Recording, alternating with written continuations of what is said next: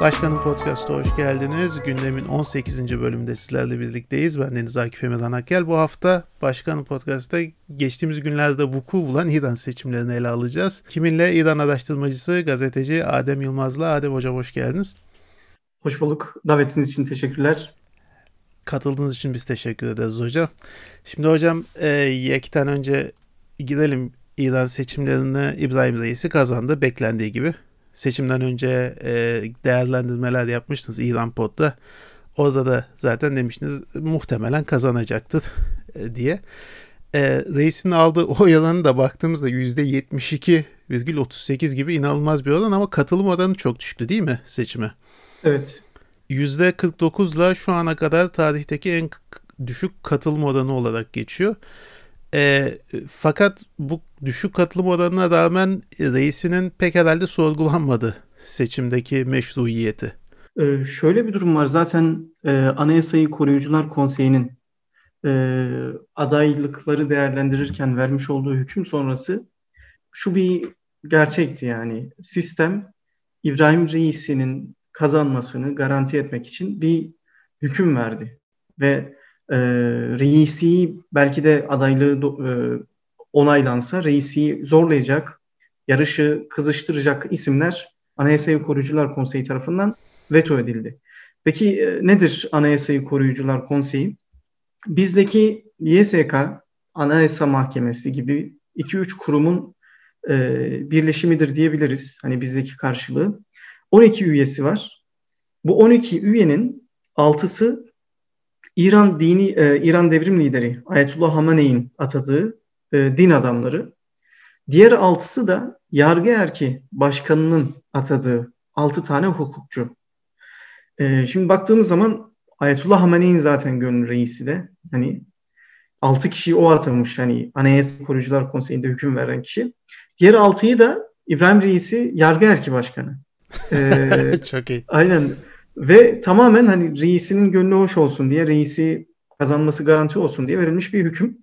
Seçimlere katılım bugüne kadar 13. dönem Cumhurbaşkanlığı seçimiydi bu. Hani devrim sonrası gerçekleşen Cumhurbaşkanlığı seçimlerinde en düşük katılım olarak kayda geçti. %48.8. Ee, Bununla birlikte yaklaşık %5'i de yani yaklaşık bir 4 milyon oy e, geçersiz oy, tepki oyuydu. E, reisi 17 milyon oy aldı. İkinci gelen kişi oy verenler içerisinde geçersiz oylar. Ee, bu çok da iyi. aynen çok tuhaf. Hani seçime epey bir insan gitmiyor. Seçime gidenlerde de sandığa gidenlerde de tepki oyu verenler ikinci sırada. Bu açıdan... Hatta bir görsel dolaşıyordu hocam hatırlarsınız. Üzerine oy pusulasını İlham Aliyev yazmış, Tayyip Erdoğan yazmış atmış böyle sinirlenip. Aynen. E, mesela e, Tebriz'de katılım yaklaşık yüzde yirmilerdeydi. Yüzde otuz da herhalde yüzde yirmi otuz bandındaydı. Şimdi Tebriz'de bugüne dek yani seçimlere katılma oranı çok yüksekti yani. Veya e, Kürdistan bölgesi keza öyle. Bu, bu seçimde azınlıklar e, veya kenar vilayetler, kenar eyaletler sandığa gitmedi yani. E, merkezde de keza başkent Tahran'da katılım yüzde yirmilerdeydi. Hani e, katılım çok düşük. Tabii sistemin meşruiyetini sorgulayan bir durum bu. E, Ayetullah Hamenei seçimlerden önce e, halka hitaben sandığa gidin, oyunuzu kullanın, kendi kaderinizi kendiniz tayin ediyorsunuz. Hani sizin için seçim bir günde gerçekleşir ama sonraki dört yılı etkiler, sandığa gidin gibi böyle bir ricalarda bulunuyordu. O sırada bir şey demişti. Eğer hani sandığa gidilmezse bu İslam Cumhuriyeti ile millet arasındaki mesafenin açıldığı anlamına gelir demişti. E şimdi öyle oldu. güzel özetlemiş yani. Aynen. Bize çok bir şey söyleyecek. Aynen. O ifadesi bu seçim e, sandığa gidenler, gitmeyenler vesaire bu istatistik açıklanınca Hamane'in bu sözü hemen paylaşılmaya başlandı muhalifler tarafından. Hani bakın siz de demiştiniz sonuçta bu, e, gerçek bu gibisinden. İbrahim Reis'i Öncesinde hocam ben şeye değinmek istiyordum. E, reisin profilinden önce şimdi reddedilen adaylar var demiştik. 600 üzerindeki e, başvuruyu zaten direkt başta hemen reddetmişler. E, bunların içerisinde çok hani e, tanınmış figürler de var zaten. E, mesela birisi eski Cumhurbaşkanı Mahmut Ahmedi Necat. Bu Haşimi Rafsanjani'nin oğlu Muhsin Haşimi Rafsanjani gibi. Ali Larijani var mesela yine. E, şimdi bu kadar yüksek profilli e, epey bir ismi direkt başta o 600 kişi içerisinde reddediyorlar. E, bu isimlerin reddedilmesi sebebi olarak hani özellikle belirtiyorlar mı yoksa e, biz reddettik e, uygun görmedik deyip geçiyorlar mı? Şöyle her seçim öncesi bir şart e, açıklanıyor. Mesela bu seçimde 40 yaş üstü şartı vardı mesela. İşte herhangi bir hukuki bir sabıka bir dosyasının olmaması. Mesela bir ifade var. E, tam e, belki doğru söyleyemeyebilirim. Arapça bir ifade rical olması gerekiyor. Yani bizdeki adam. Erkek. Hani adama karşılık gelen erkek. Ama şöyle bir muğlaklık var bu e, ifadede. Hani bizdeki mesela iş adamı kadınları da kapsıyor ya mesela günlük evet. e, kullanımda. Şimdi buradaki e, anayasadaki adam ifadesi cinsiyet olarak mı adam yoksa insan anlamına mı geliyor? Böyle bir belirsizlik var. Hani e, anayasada e, böyle bir şart var Cumhurbaşkanlığı için. Mesela ben Faize Haşimi Rafsanjani ile röportaj yapmıştım. Aday olacağını duyurmuştu o sıra. Hani sordum ya sen aday oluyorsun ama e, anayasada böyle bir madde var.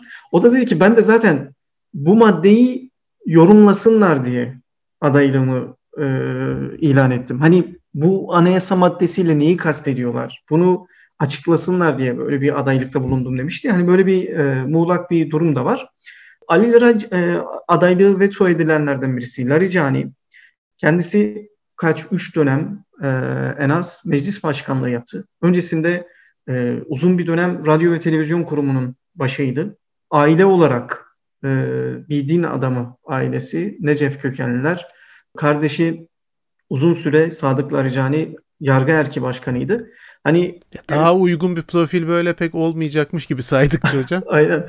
Şimdi e, mesela adaylığı reddedildikten sonra en çok böyle hani kamuoyunun şaşırdığı, şok olduğu red kararı buydu.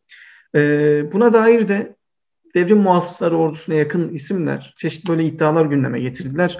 E, Laricani'nin kızı Amerika'da ikamet ediyor. İşte kuzenleri, yeğenleri Kanada'da vesaire.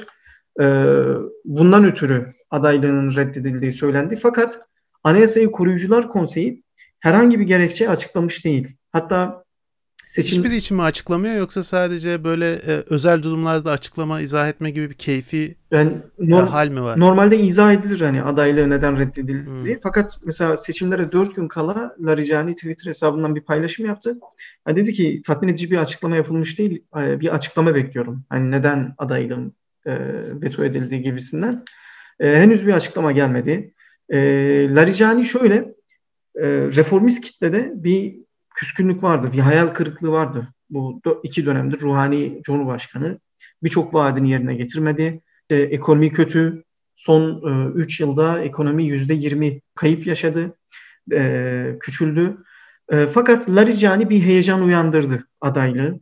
Reformist kitle yavaş yavaş Larijani'ye doğru yöneliyordu. Larijani reformist biri değil, merkezde duran biri. E, fakat reisiye karşı bir alternatifti. Millet reisi görünce reformist kitle ya Larijani'ye verelim hani e, yaz, yarış kızışsın belki kazanır hani. En çok şaşırtan buydu bu veto kararları içerisinde. Yine Mustafa Taçzade ismi var. Kes, evet, e, kendisi eski İçişleri Bakanı değil mi? Aynen e, reformist teorisyenlerden birisi. Onunla da röportaj yapacaktık. Bir türlü e, yoğunluğundan ötürü şey olmadı. Benim de tez araya girince e, ama önümüzdeki ay bir röportaj gelebilir çok İnşallah onunla müjdesini verelim. İnşallah. Çok e, onun çok keskin ifadeleri var. Mesela e, adaylığını ilan etti. Sonra Clubhouse'da bir e, sohbet odasına davet edildi. Orada mesela devrim muhafızları ordusunu kışlalarına göndereceğim dedi. E, mesela ekonomide, hmm. siyasette çok aktif devrim muhafızları ordusu. Kışlaya göndereceğim dedi. Yine e, velayeti fakih sistemi hakkında eleştiri yöneltti. İşte bir referandumdan bahsetti vesaire böyle bir keskin söylemi var. E, o da bir heyecan uyandırmıştı. E, yine dediğiniz gibi Ahmet Necat e, kendisi e, şöyle söyleyeyim ben son 5 yıldır özel olarak hani Ahmet Necat'ı takip ediyorum. Son 4-5 yıldır Cumhurbaşkanından daha aktif bir şekilde İran'da köy köy, kasaba kasaba geziyor adam. İsmini hiç duymadığım şehirlere gidiyor. Hani o orayı ziyaret ettiği için o şehrin ismini duyuyorum ben. Yani İran medyasını 6-7 yıldır takip ederim. Varoş kesimlerden ciddi bir destek vardı Ahmet Necat'a. tabii 2017 seçimlerinde de adaylığı veto edilmişti. E, bu sefer de veto edildi. Aa, İran'da hocam şey var mı peki? Ee, bir süre sınırı gibi bir şey var mı? Önceden ya, Cumhurbaşkanlığı yapmıştı. Şimdi e, ona bir mani var mı ya da öyle Tabii. sorayım. E, iki dönem Cumhurbaşkanlığı yapan üçüncü döneme aday olamıyor. Ama sonraki bir dönem e, hemen sonraki dönemde adaylığı e, mümkün. Ha, yine iki dönem arka arkaya yapabilir Tabii. teorik olarak. E, Ahmet Necat ikinci, e, ilk 2005'te e, Cumhurbaşkanıydı. E, 2009'da ikinci dönemi oldu. 2013'te aday olamadı e, şeyden ötürü kanuni e, süreçten. E, 2017 ve 2021 adaylıkları da veto edildi. Kendisiyle hocam bir 15 Haziran'da yayınlandı. Gerçek Hayat ya da GZT sitesinden de e, bakabilir. E, bir söyleşi yapmıştınız hocam. Bu söyleşide de Ahmet Necat zaten bu ilk cümlede de söylemiş hani her türlü aristokrasiye, aristokrasiye muhalifim diye. Şimdi bu e, muhalefeti az evvel bahsettiğiniz gibi Lezcan e, durumundaki gibi e, velayet fakihi de direkt kapsıyor mu yoksa burada mesela dolaylı sanki dokunduruyor gibi ben anladım. Yani direkt e, hedef almıyor. Ee, şöyle öncelikle şunu söyleyeyim. Ahmet Necat'la bu ikinci röportaj benim. İlkini geçen yıl bir Fransız dergisine yapmıştım. Ee, o röportajda işte çeviriyi yaptım, gönderdim. Ya dediler ki Ahmet Necat hiçbir şey söylememiş. Hani e, hiç doğrudan bir cevap yok. Felsefi böyle imaları vesaire.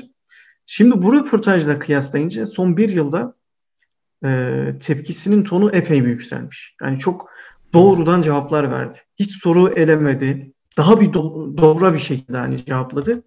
E, adaylığının iptali ise Ayetullah Hamane'in dünürü Hattad Adil isminde bir e, siyasetçi var.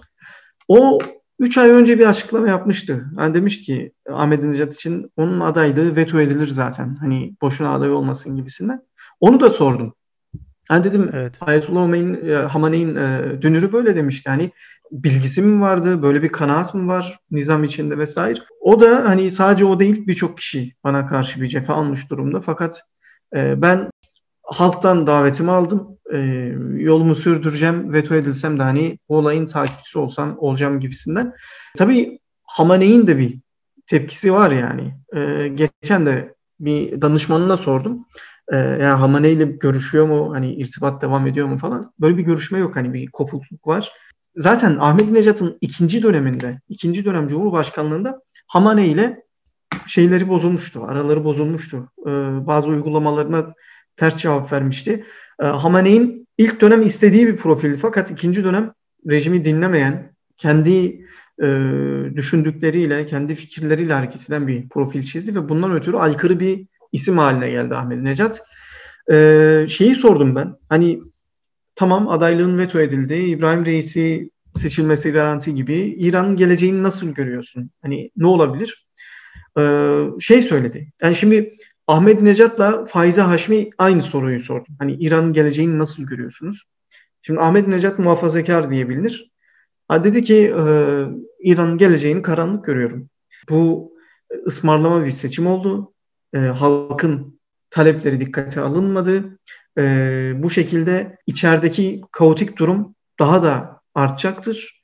E, zayıf bir hükümet iş başına gelecektir. Zayıf olduğu için de dışarıya daha çok taviz verecektir. Hani tamamen karamsar bir cevap verdi. Öte yandan Faize Haşimi yani reformist bir kişilik, feminist bir kişilik.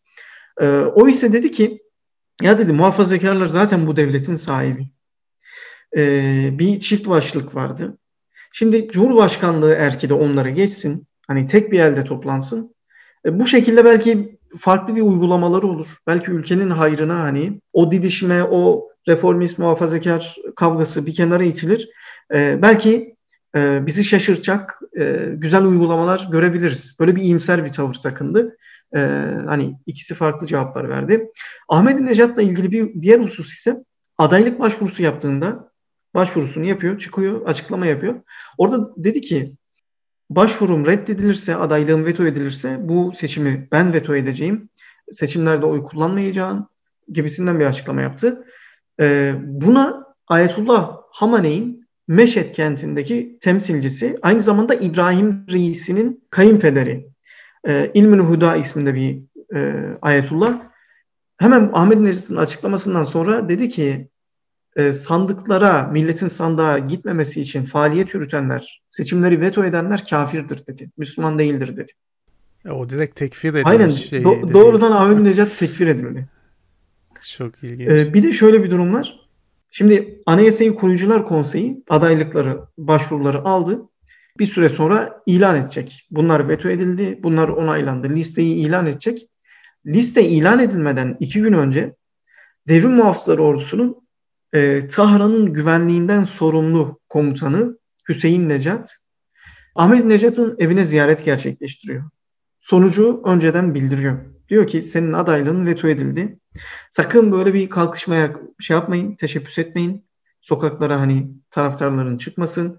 Bir, siz Hizbullah'ı gençlersiniz. Hani size dokunmak istemiyoruz. Ee, sıkıntı çıkarmayın. Hani devrim muhafızları ordusunun da bir olaya e, müdahil olma durumu var. 2009'da Ahmet Necat seçilmiş. Yeşil Hareketi üyeleri sokaklara çıkmış. Bu olayları devrim muhafızları ordusu bastırmıştı. Şimdi adaylığı veto edilen ve belli bir kitleye hitap eden Ahmet Necat var. Buna tepki gösterebilir. Öncesinden devrim muhafızları ordusu bir uyarıda bulunuyor. Çok ilginç.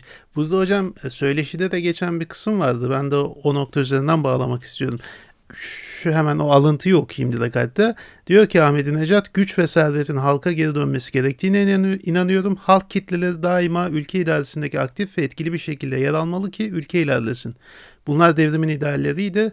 Ben özgürlük, adalet, şeref, kardeşlik, birlik ve ülke yönetiminin halka verilmesi gibi devrimin asil ideallerine hala bağlıyım. Ülkeyi kurtaracak tek yolunda bu idealler üzerinden geçtiğine inanıyorum diyor. Şimdi ilk başta bahsettiği bu güç servet mevzusu işte e, Rafsanjani ailesi üzerine sanırım bir tartışma olmuştu birkaç sene önce.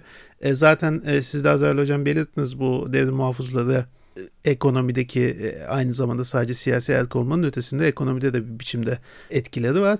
Ve İran'da şu an e, tarihindeki devrimden sonraki belki de en büyük ekonomik sıkıntılarını yaşadığı bir anda.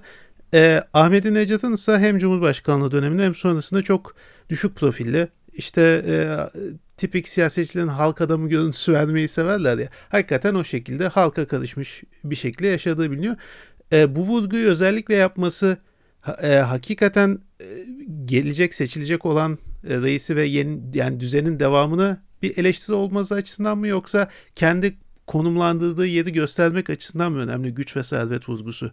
Ee, birincisi Ahmet Necat iki dönem Cumhurbaşkanlığında da çok sade, mütevazi bir cumhurbaşkanı profili çizdi. Hani e, bazı fotoğrafları var böyle e, bağdaş kurmuş bir sofrada işte sadece bir kuru ekmek ve peynir var. E, hani sade bir hayat var. E, hala mesela e, Tahran'ın böyle normal bir mahallesindeki bir apartmanda yaşıyor. E, ve mesela Cumhurbaşkanlığı sonrası şimdi rejimle karşı karşıya geldi. Birçok alan isimle hani restleşti vesaire.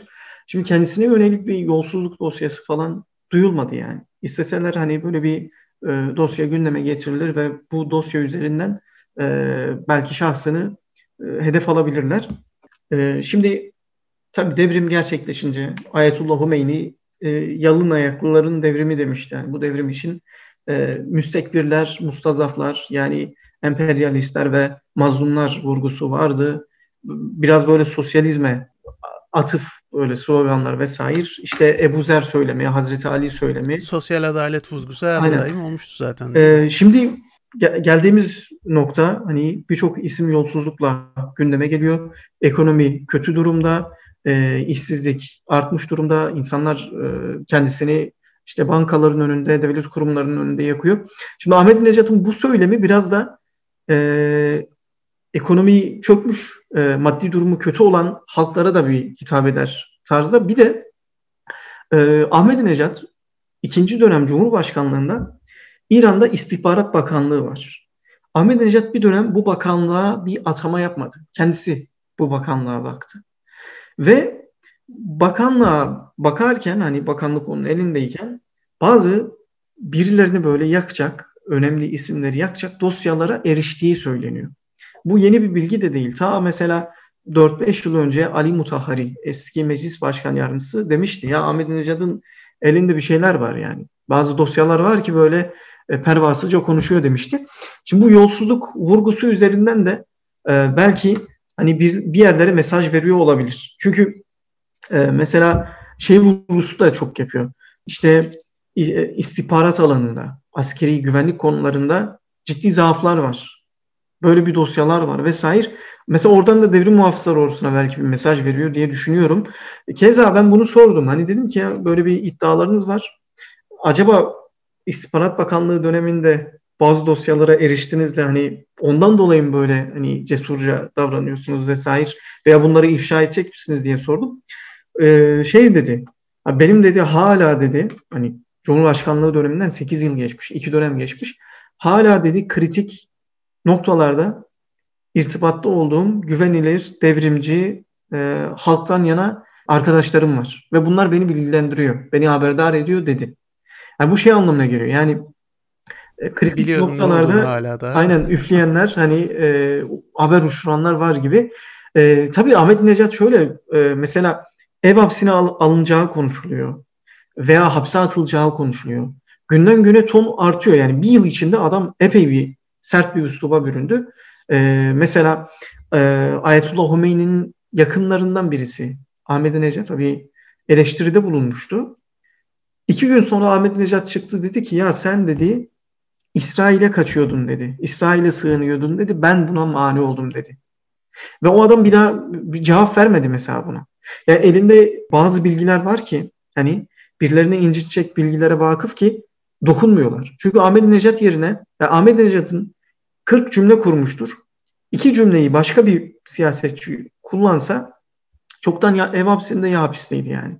E, bu, bu, bu açıdan hani bu yolsuzluk söylemi de hani servet tek elde toplandı vesaire belki hani bir yerlere bir mesaj olabilir diye düşünüyorum. Bu seçilemeyen adaylar daha doğrusu adaylıkta reddedilen arasındaki en yüksek profilliydi. Bir de çok yakın zamanda da söyleşi olduğu için onu Ahmet Necat üzerine biraz daha fazla durmak istedim. Türkiye'de de çok malum tanınıyor.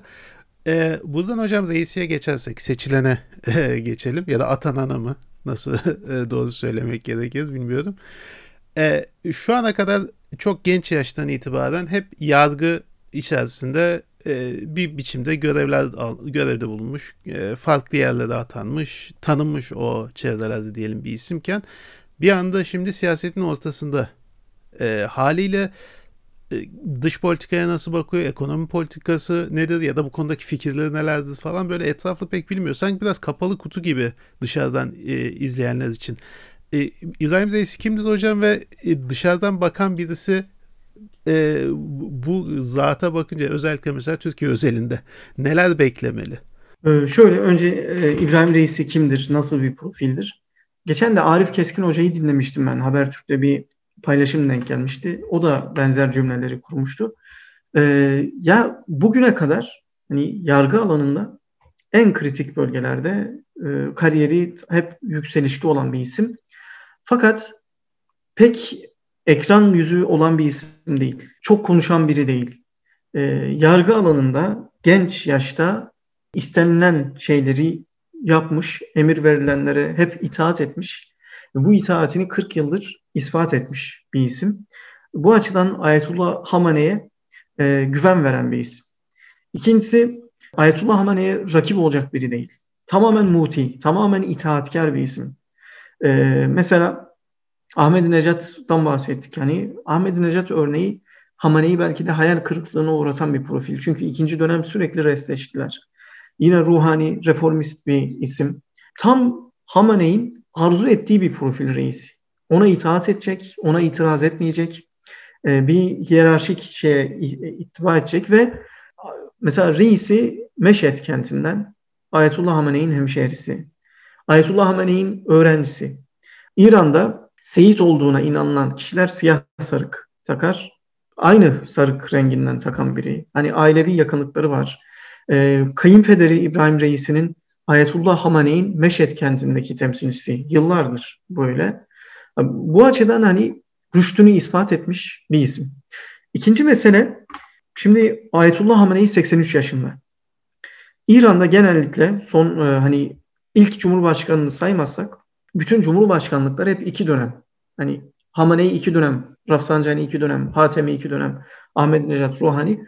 Yani şimdi İbrahim Reisi muhtemelen iki dönem cumhurbaşkanlığı yapacaktır. e, ilk dönemi olmasa dahi ikinci döneminde vefatına e, ihtimal verilen bir isim Ayetullah Hamenei. Şimdi rejim de hani böyle bir vefat hani ülke sistemini sarsacak bir vefat bu. Böyle bir vefat anında Cumhurbaşkanlığı makamında kim olmalı?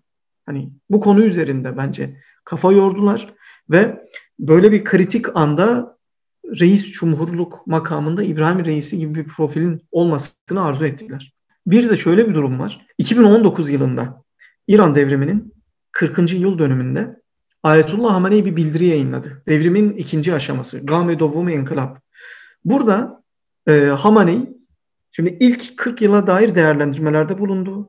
Özel eleştirilerde yaptı. Yolsuzluklara dair işte adalet konusu, ekonomi konusu vesaire. Bir de ikinci 40 yıla yönelik e, önerilerde bulundu. Ve genç nesle seslendi. Artık genç bir neslin iktidarı ele alması, işte yetkiye ele almasından bahsetti vesaire. Bu e, bildiri yayınlandıktan sonra hemen kısa bir süre sonra İbrahim Reis'i yargı erkinin başına getirildi. 2017'de Cumhurbaşkanlığı seçimini kaybetmesine rağmen. Mesela bu atama Hamanei tarafından yapılan atama reisinin ikinci devrimin ikinci aşamasında yani ikinci 40 yılda üzerine düşünüldüğü belki de Hamanei sonrası Halefli e, dair böyle bir düşünce e, düşünülen isim olarak e, zikredildi. Tam o noktada onu soracaktım hocam. Siz şimdi bahsedince işte Hamaney e, vefatı halinde onun yerini alacak kişi e, nasıl tespit ediliyor? Yani bir e, kurul tarafından mı seçiliyor? Süreci hakkında bilgi verebilir misiniz? Bir de e, bahsettiğiniz gibi İbrahim Reis'i buna hani layık görülebilir mi makam olarak? Ee, şöyle bir durum var. İran'da velayeti fakih doktrini bir devlet sistemi.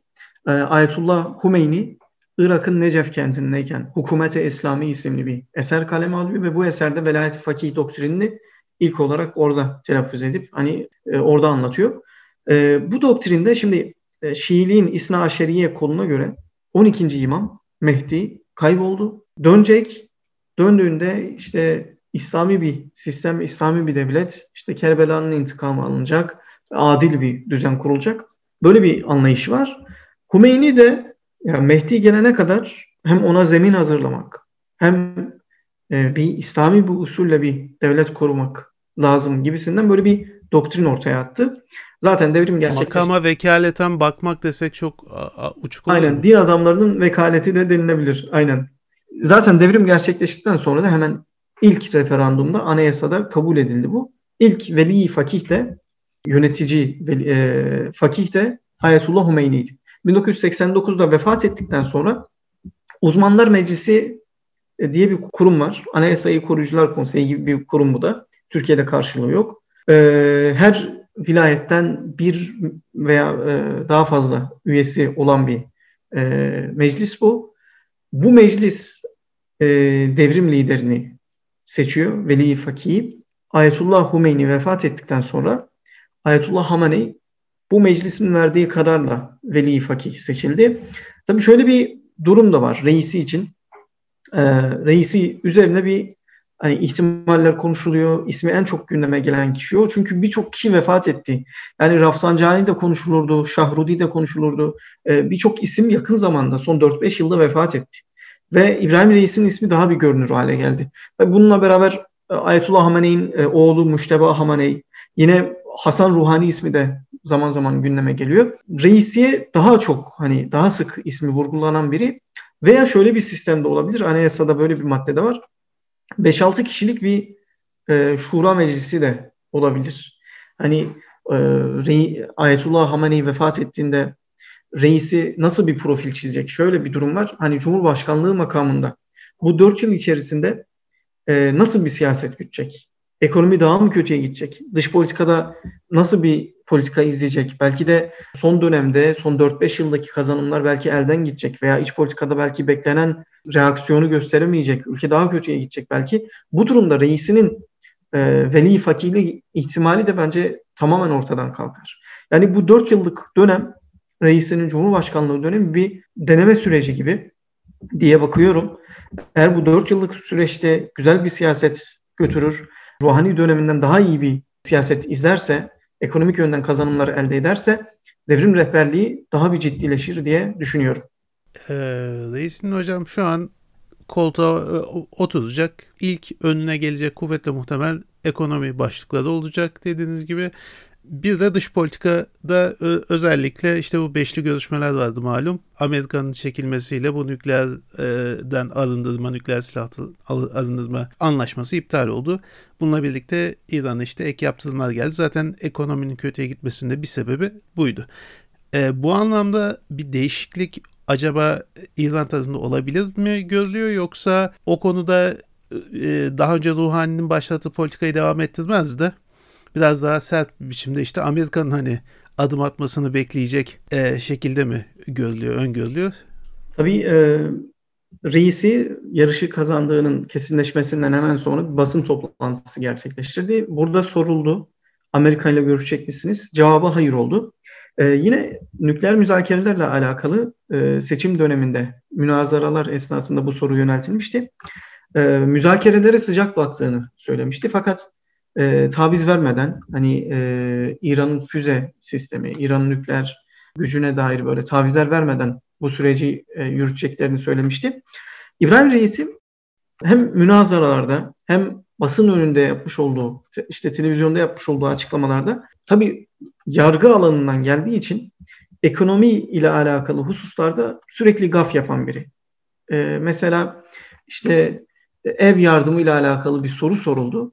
Öyle bir cevap verdi ki ne dediğini anlamadık yani. İranlar da anlamadı. Çok böyle e, felsefi böyle kelamlar etti. Ekonomik terimler kullanmaya gayret etti ama e, dediği şey anlaşılmadı yani. Bu açıdan ekonomide nasıl bir siyaset izleyecek? Bu biraz da şeye bağlı, atayacağı bakanlara bağlı, kabinesine bağlı biraz da. Dış politikada ise münazaralarda şöyle bir ifadesi vardı. Ee, biz dedi meselemizi komşu ülkelerle çözeceğiz dedi. Hani bu açıdan e, mesela Ahmedi Necat döneminde bu nükleer müzakereler vesaire bir ara Türkiye, Brezilya, İran arasında üçlü bir görüşme, üçlü bir anlaşma olmuştu. Yani Türkiye'nin süreçte aktif bir rolü vardı. Ruhani ile birlikte, hani reformistlerle birlikte tamamen batıyla işi götürmeye çalıştılar ve bölge ülkelerini e, pek muhatap almadılar. E, hatta son dönemde Fransa e, şart koşmuştu İran'a. Sürece Suudi Arabistan da dahil olsun diye. Hani bunu şart koşan Fransa, Batı ülkesi. İran pek bölge ülkelerini yani reformistler açıkçası pek muhatap olmamıştı. Bu açıdan İbrahim Reis'in ilk önceliğimiz komşu ülkeler demesi e, dış politikada farklı bir manevra olacağına dair bir işaret veriyor. Fakat bütün bu söylediklerimizin dışında İran'daki bir cumhurbaşkanı ile Türkiye'deki bir cumhurbaşkanının yetkileri aynı değil. İran anayasasında dış ve iç politikadaki öncelikleri belirlemek, savaşa karar vermek, barışa karar vermek, yargı erki, radyo ve televizyon, devrim muhafızları ordusu, e, normal ordu, e, işte emniyet kurumları, kritik kurumların tepe ismini atamak vesaire hepsi Ayetullah Hamane'in elinde. Veli fakih. Yani aslında İran'da devlet başkanı Ayetullah Hamane'dir. İran'da başkomutan... Peki Cumhurbaşkanı hocam ne yapıyor şimdi? Ben bu kadar saydıktan sonra onu merak ettim. Cumhurbaşkanı Türkiye'deki eski sistemdeki başbakan gibi. Belki de daha az yetkisi var. Hatta e, 97'de Cumhurbaşkanı seçilen e, Muhammed Hatemi demişti ki biz bizim lojistik görevimiz var demişti Cumhurbaşkanı olarak. Başka bir yetkimiz yok. Yani kibarca hamallık ha, demiş de. Aynen, aynen onu ifade tam da dediğiniz gibi. Bütün yetki hem dış politika hem ekonomi hani bütün kritik isimlerin atanması vesaire hepsi Ayetullah Hamane'ydi. Devlet başkanı o, başkomutanı o. Yani bu, bundan ötürü İbrahim Reisi ile birlikte böyle dış politikada radikal bir dönüşüm veya ekonomide radikal bir dönüşüm beklenmemeli. Fakat şöyle bir durum da var. Bugüne kadar İran'da hep çift başlılık mı denir, ikililik mi denir? E, değişik bir mesela devlet sistemi de öyle. Yani İslam Cumhuriyeti. Yani nasıl bir İslam Cumhuriyeti? Yani teokratik bir rejim mi, demokratik bir rejim mi, Cumhuriyet ve İslam nasıl bir araya mezcedildi? Veya hem Cumhurbaşkanı var hem Veli Fakih var. Hangisi lider? Dışarıdan bakınca hani anlaşılmıyor. Anayasaya bakmadan, yetkilerini gözden geçirmeden.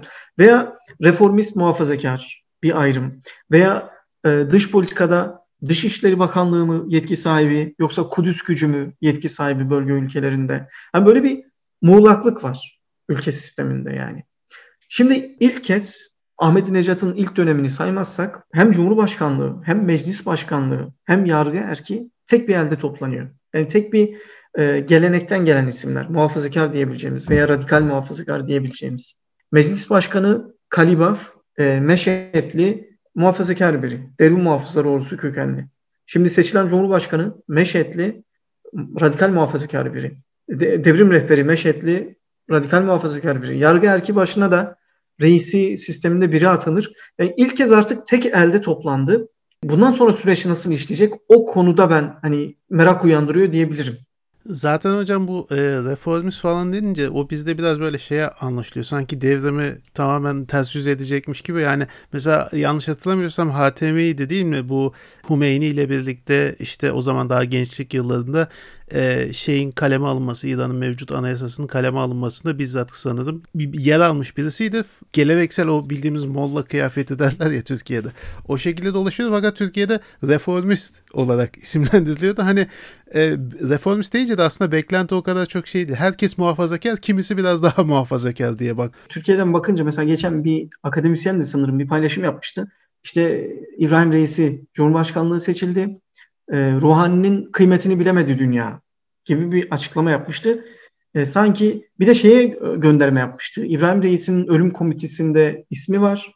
E, Birçok siyasi muhalifi idam etmiş. Yani böyle bir isim seçildi. Biz ruhaninin kıymetini bilemedik diyor.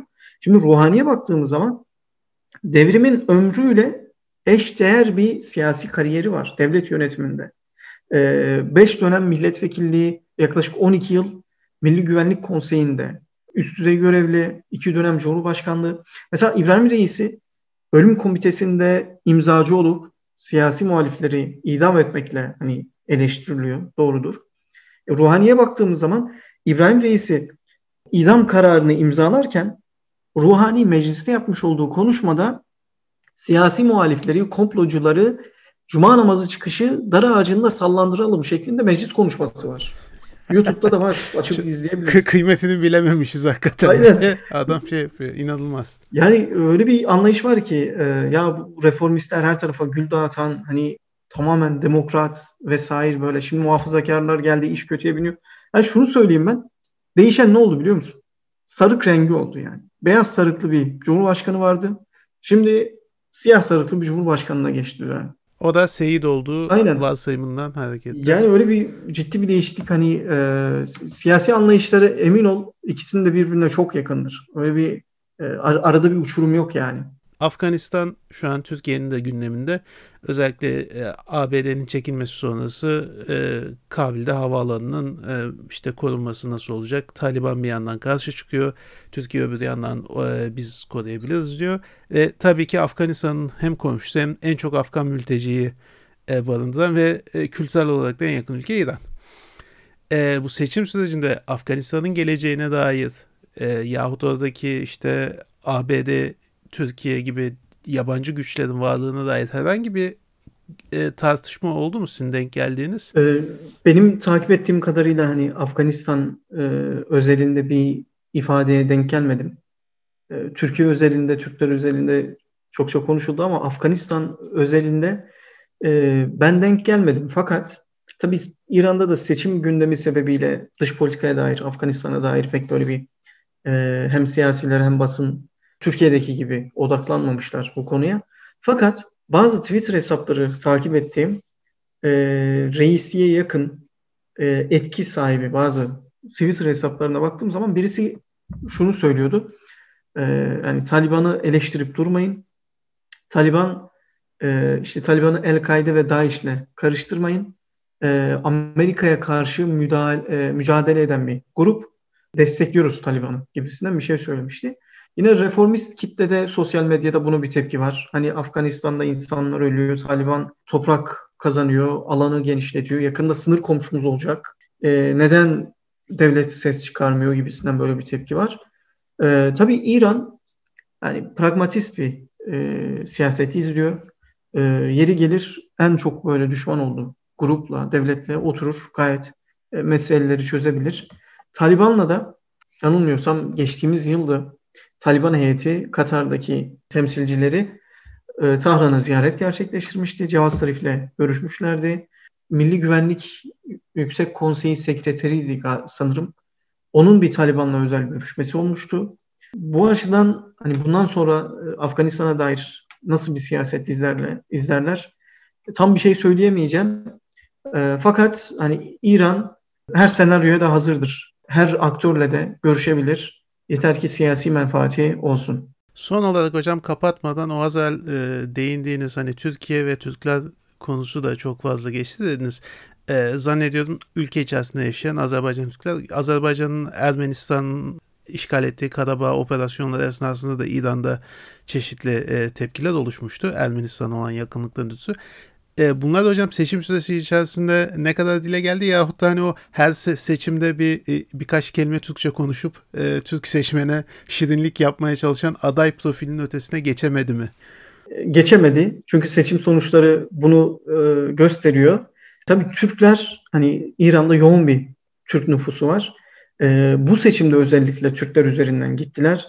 E, yoksa mesela seçim münazaralarında işte Sünnilere hak vermedik böyle böyle işte kadınlara hak vermedik, Türklere, Kürtlere bütün azınlıklar dile getirilir. Ortaya bir çorbaya e, kaynatılır ama bu bu, bu seçim münazaralarında Türkler özellikle böyle ön plandaydı Türkler konusu. Hatta adaylardan birisi Tebrizliydi Mehralizade. Sonradan himmeti e, lehine yarıştan çekildi. Mesela reisi Azeri halkını seviyorum gibisinden bir şey söylemişti. Mehralizade de işte Azeri diye bir şey yoktur. Ee, onlar Türktür. Hani Azeri Türk bir tartışması var, bir tanımlama tartışması. Ona böyle değindi. Hani onlar Türktür gibisinden. Yine Himmeti Hamedan kökenli reformistlerin destek verdiği 2,5 milyon oy alan e, eski mer- e, Merkez Başkanı, Merkez Bankası Başkanı. O da e, Türkçe hitap etti. İşte Türklerden oy istiyorum, sandıklara gelin gibisinden. E, son olarak Muhsin Rezai, eski devrim muhafızlar ordusu komutanı, ekonomiyle alakalı bir münazarada doğrudan Türkiye hakkında konuştu ve Türkiye'nin ekonomisi bizden kat kat daha iyi. Bu bizim için bir utançtır e, gibi bir ifade kullandı. Hani Türkiye'de e, İran'daki her siyasi mevzuda Türkiye'ye, Türklere değinilir. E, Muhsin Rıza'yı da sağ olsun Türkiye'yi es geçmedi bu vesileyle. Eyvallah. E, Türkler deyince herhalde daha çok Azerbaycanlılar ama az miktarda da olsa Kaşkay Türkleri galiba var değil mi hocam? Türkmenler var İran'da. Tabii Şiraz'da Kaşkay Türkleri e, yoğun bir nüfusları var. Yine İran'ın Türkmenistan sınırında Türkmen nüfusu var. Bir de artık Türkler İran'da tek bir coğrafyayla e, sınırlı tutacağımız, tek bir coğrafyayla anlatacağımız bir halk değil. Kuma gidiyorsun hani e, İsfahan'a gidiyorsun rastladığın herkes Türk. Yani taksiye biniyorsun Türk, restoranta gidiyorsun Türk. Türkler her tarafa yayılmış. Yani sadece Tebriz, Zencan, Erdebil ile sınırlı değil. E, her tarafa yayılmış durumda. Bir de şöyle bir durum var. Seçim münaz e, münazaralarında Türklerle alakalı en çok söylem e, geliştiren, en çok Türklere seslenen Mehralizade e, seçimlerden önce Tebriz'de miting gibi bir şey halkla buluşuyor. Bir görsel var bu görüşmeye dair. Toplasan 50 kişi bile yok. Yani pek işe yaramadığı gibi, hani pek bir e, şey bulmadığı gibi zaten hem Tebriz'deki seçime katılım hem e, normal seçime katılım, hani Türkler sadece Tebriz'de sınırlı değil, katılımın çok çok beklenenden de düşük olması Türklerin bu münazaralarda gündeme gelen Türklük mevzusuna dair e, vermiş olduğu reaksiyonu gösteriyor. Çok teşekkür ederim hocam. Eklemek istediğiniz son bir şey var mıydı acaba? Ee, başkanım podcast'te teşekkürler. Dinleyicilere de ayrıca teşekkürler. Umarım reisiyle alakalı önümüzdeki günlerde de bir program yaparız. Ee, belli bir zaman tanıyalım. Nasıl bir politika izliyor. Ee, ona dair de bir değerlendirme programı yapmaktan mutluluk duyarız. Çok güzel hocam. Biz de buradan sözünü de almış olduk. Tekrar çok teşekkür ederim katıldığınız zaman ayırdığınız için. Ahmet Necat'la ilgili olan söyleşiyi e, ve İran Pod yine e, kardeş yayınlarımızdan. e, onların bağlantısında yine Twitter hesabımızda olacak. Bizi Başkanın Podcast ismiyle Twitter'da bulabilirsiniz. Soru, görüş, yorum, öneri, eleştiri hepsine talibiz. Bizi dinlediğiniz için çok teşekkür ederiz. Bir sonraki bölümde görüşmek üzere. Hoşçakalın.